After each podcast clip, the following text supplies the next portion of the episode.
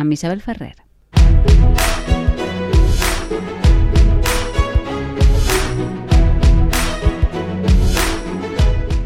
Isabel, molt bona vesprada. Bona vesprada. Com estàs? Molt bé, molt bé. Així, bueno, ha acabat la compareixença i disposada mm. a parlar-vos de música. Fantàstic, música que forma part de la cultura, música que ens ha salvat i ens està salvant estos dies, música que ens dona oxigen i música que actua com a bàlsam. Què ens portes avui, Isabel? Doncs estos dies eh, he estat fent com un recull no? de, de tot allò que he anat escoltant sobre la relació entre pandèmies i música. Eh, algunes, explicarem algunes curiositats, algunes segur que ja les heu escoltat, heu escoltat algun flash o l'heu llegit, eh, algunes altres seran, són menys conegudes i, bé, suposo que la idea és, és, és un poc eh, reconfortar-nos no? en, en que no han sigut eh, els primers ni els únics que hem, que hem passat per això i com la música ha actuat un poc com a vehicle per a, per a expressar eh, els, els temors o els aprenentatges de les pandèmies. Mm. Mm -hmm. I eh, fins a quina època viatgen primer per a fer un repàs no? a aquestes circumstàncies, a aquest lligam entre les dues coses? Doncs la primera parada que farem, i també farem parades, és fins al segle XIV, eh, i com sabeu, el segle XIV eh, va haver la pesta negra a Europa, on moriren moltíssimes mm. persones, també hi havia molt menys recursos que ara sanitaris, i com actualment la, la pandèmia va marcar tota aquella generació i les següents. I com ja m'he explicat moltes vegades, així en, en, en la secció en Sona Molt, la música sempre està en estreta relació amb els fenòmens socials.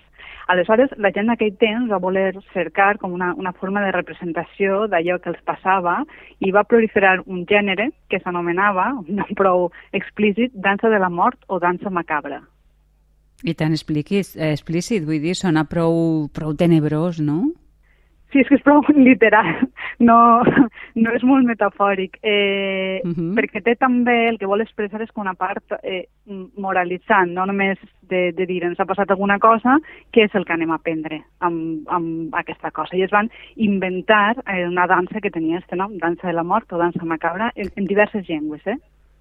Uh -huh. Però aleshores, de Isabel, si era una dansa, es ballava? En què consistia?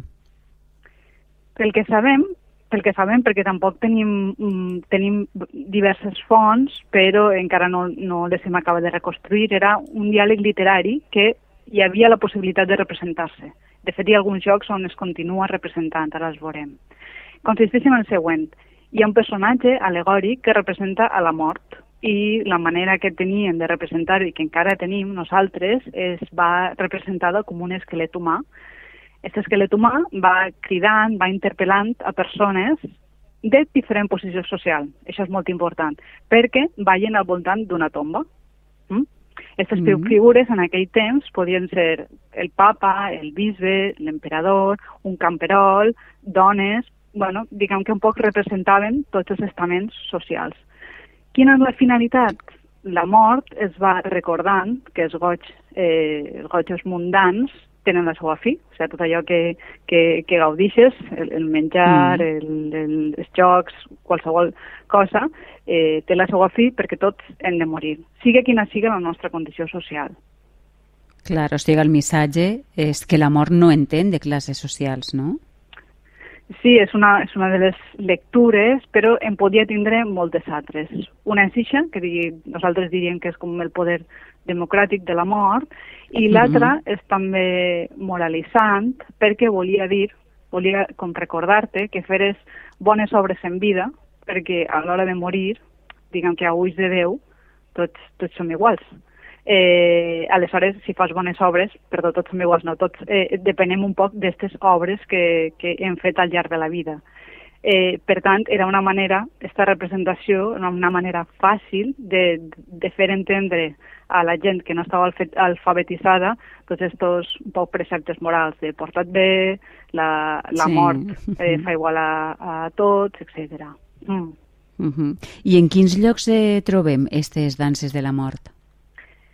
En trobem absolutament a tota Europa, però com avui el que m'agradaria seria un poc fer èmfasis en els casos que ens afecten més en terres valencianes, perquè no ho percebem Ah, com una cosa llunyana, que els va passar als Mm. altres. No, no, això ens va passar als nostres avantpassats. Aleshores, una de les representacions eh, de la dansa de, de la mort la tenim en Morella, en el convent de Sant Francesc, que es pot anar a visitar. Ai, però Sí. ho, ho podem escoltar, aleshores? Sí, sí, sí. Eh, tenim eh, una representació on es veu la dansa de la mort, eh, que Mhm. apareix la pintura, una roda, que s'anomena la roda de la fortuna, un text i una partitura. Aleshores, la capella de ministres ha fet com una recreació a partir del que es pot llegir i allí i ha fet la, la següent música que ara escoltarem. On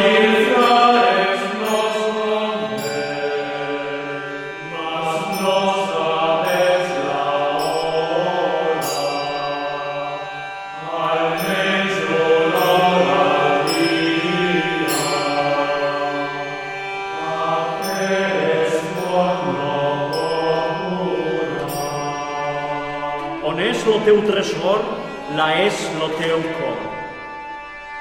Fui quod estis, eritis quod sum.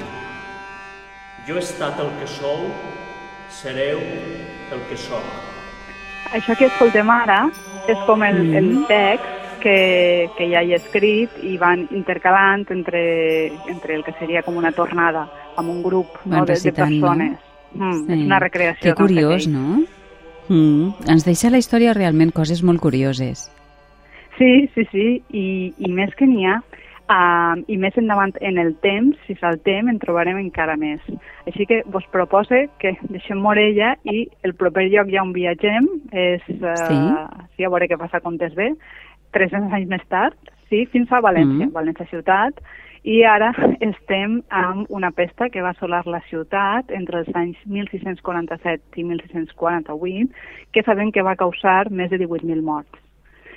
Aleshores, eh, he vist, segons narra en el seu Twitter l'historiador valencià Vicent Baidal, que ell comenta que quan es va acabar la pandèmia, agraint la protecció, els valencians van començar a construir la Basílica de la Mare de Déu, a la vora de la Seu, que la podem veure actualment i visitar i segur que la reconeixeu. I jo em vaig preguntar, quan vaig veure això, qui- quina seria la música que escoltarien en aquell temps aquelles persones, no? de formació professional i segur que ens ho pots ensenyar, o què? Una cosa semblant, perquè justament quan va passar això en la, en la catedral de, de València, en la seu, que hi ha al costat Mhm. de, la, de la basílica, havien acabat de canviar de mestre de capella, que ja hem explicat més d'una vegada que el mestre de capella és el que s'encarregava de la música religiosa d'aquell lloc, que en aquell moment era el més, el, el més important. El mestre de capella que havia acabat de faltar era, va ser un músic molt important, nascut i mort a València, que va ser Joan Baptista Comes, i Mhm. va arribar a fer música que no només va ser molt coneguda a València, sinó en tota la franja mediterrània. Jo el que us proposo escoltar, tot i que no sabem si, si exactament va ser eh, la música de l'any de la pandèmia, però segur que una peça de Joan Baptista Comes segur que va sonar en aquell temps. Ara escoltarem un motet que està escrit per a la festa del Corpus en una de les poques gravacions que hi ha d'este mestre que ens l'ofereix el grup a Mistis, dirigits per José Duche. Ai,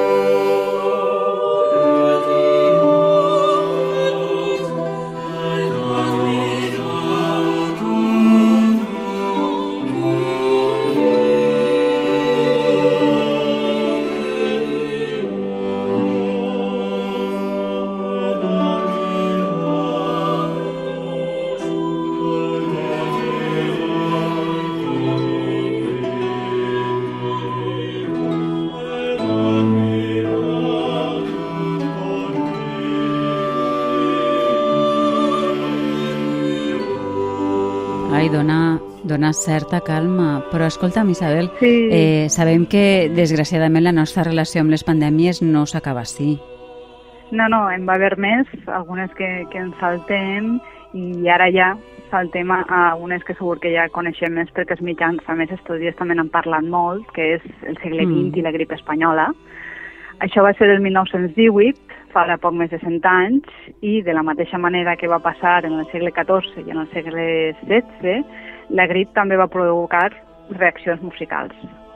Una d'elles és molt, molt curiosa, per això us la conte. Eh, en l'explica des del Museu de la Música de Barcelona, en el seu fil també de Twitter. Mm -hmm. Ells tenen un fons molt complet, interessant, de rotlles de pianola. Les rotlles de pianola són com una espècie de partitures eh, en foradets que eren amb les quals funcionava una espècie de piano automàtic. Tu col·locaves aquesta partitura allí i ell tocava automàticament sí. aquella música. La Casa Victòria, uh -huh. que era una de les fàbriques més importants, eh, després de la grip es va, i, i durant la grip es va dedicar a, a, entre altres coses, a cuidar un poc també els seus clients, com estan fent moltes empreses actualment, i eh, assegurava en un missatge a la caixa que tots els rotlles de pianola venien precintats i una vegada comprats no els podien retornar. És a dir, ah. volien oferir seguretat al comprador de que no es podia contagiar del virus de la grip a través de rotlles. Caram, com ara, no? És com, eh, com, com si ara comprarem un CD i ens adverteixen que la caixa doncs, no transporta virus, no? Sí, o, bueno, un, missatge, o un missatger no? dels, que, dels que arriben a casa. És el mateix sistema, Clar. però fa 100 anys. Uh -huh. I podem sentir com sonava una d'aquestes pianoles, per curiositat, Isabel? Sí, de fet, enregistraments de pianoles n'hi ha moltíssims, moltíssims, i n'he escollit una eh, perquè és un valencià del compositor Salvador Giner que, eh, segons els registres de la Biblioteca Nacional d'Espanya, que ells en, en digitalitzen moltes, les podeu escoltar en la seva pàgina web, és possible que aquest enregistrament siga del mateix 1918, del mateix any de, de la grip. I curiosament, eh, i un poc còmicament, la peça es diu Recuerdos del Sarao. Caram, vinga, sentim.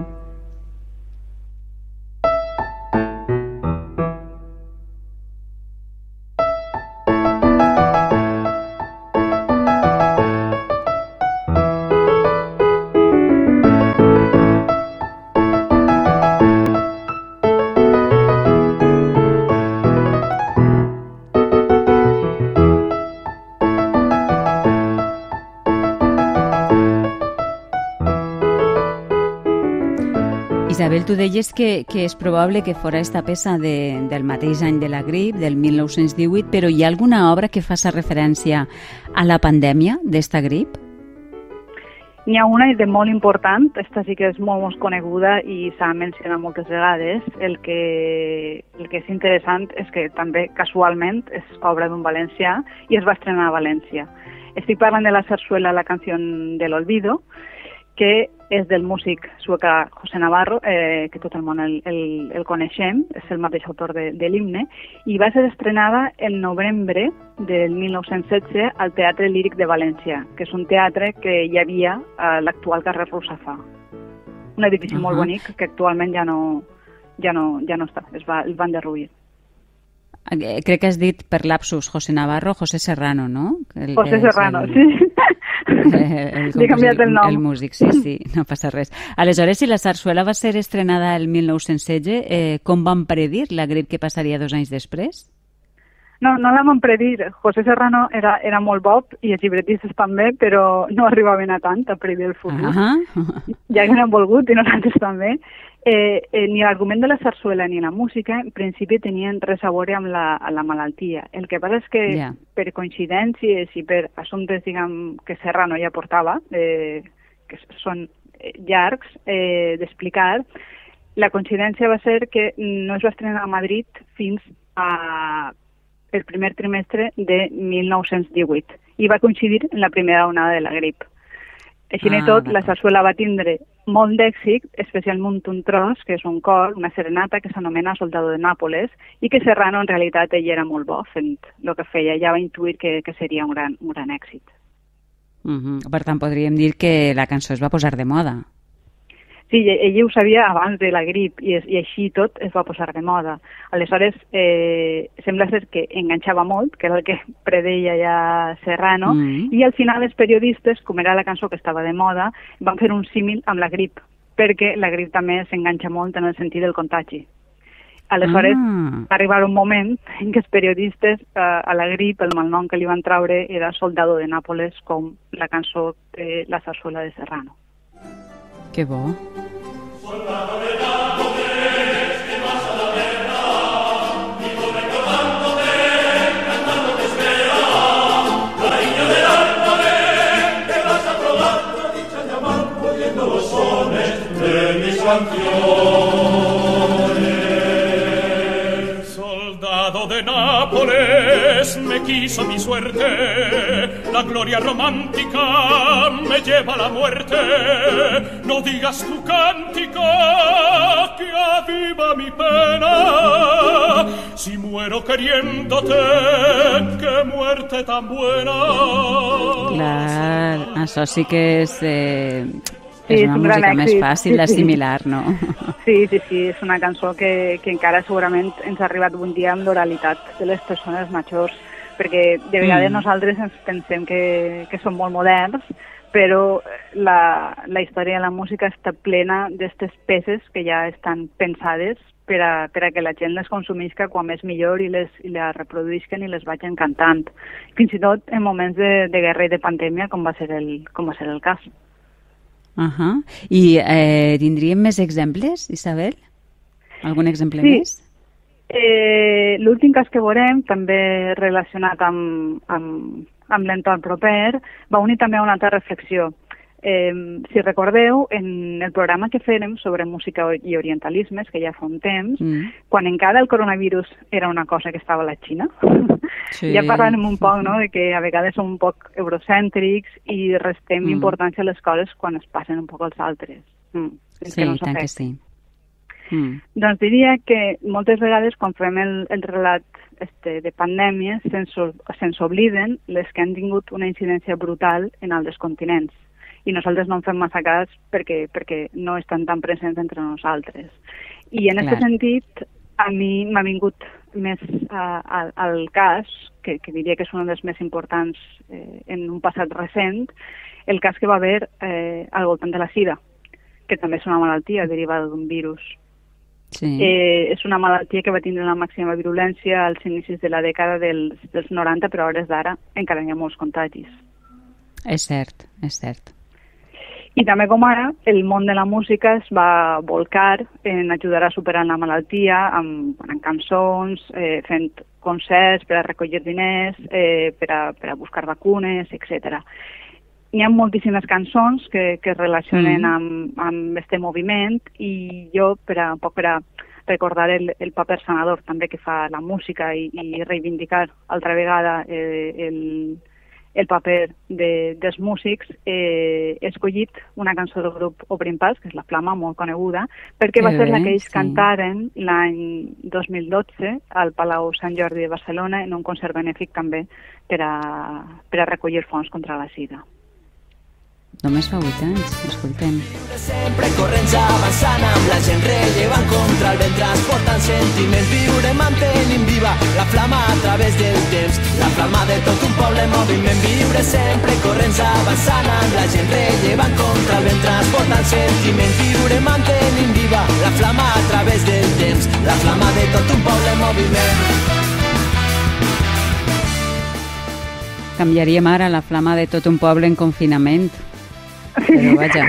seria, seria una bona, una bona rima. Sí, sí, sí. Una bona adaptació, sí, sí, sí. Mm. Doncs, eh, Isabel, molt interessant, com sempre, i amb esta flama, la flama d'Obrim Pas, eh, que recordem van cantar el 2012 al Palau Sant Jordi deia que només fa 8 anys, perquè estem al 20, estem al 20. Eh, sí, sí, sí. Temps passa molt de pressa També. i efectivament encara es van recollir eh, fons perquè, com bé deies, hi ha molts casos avui en dia i encara cal investigar molt. Eh, una abraçada forta, confinada, però igual d'intensa. És la setmana que ve, Gràcies a vosaltres. Adéu. Adéu.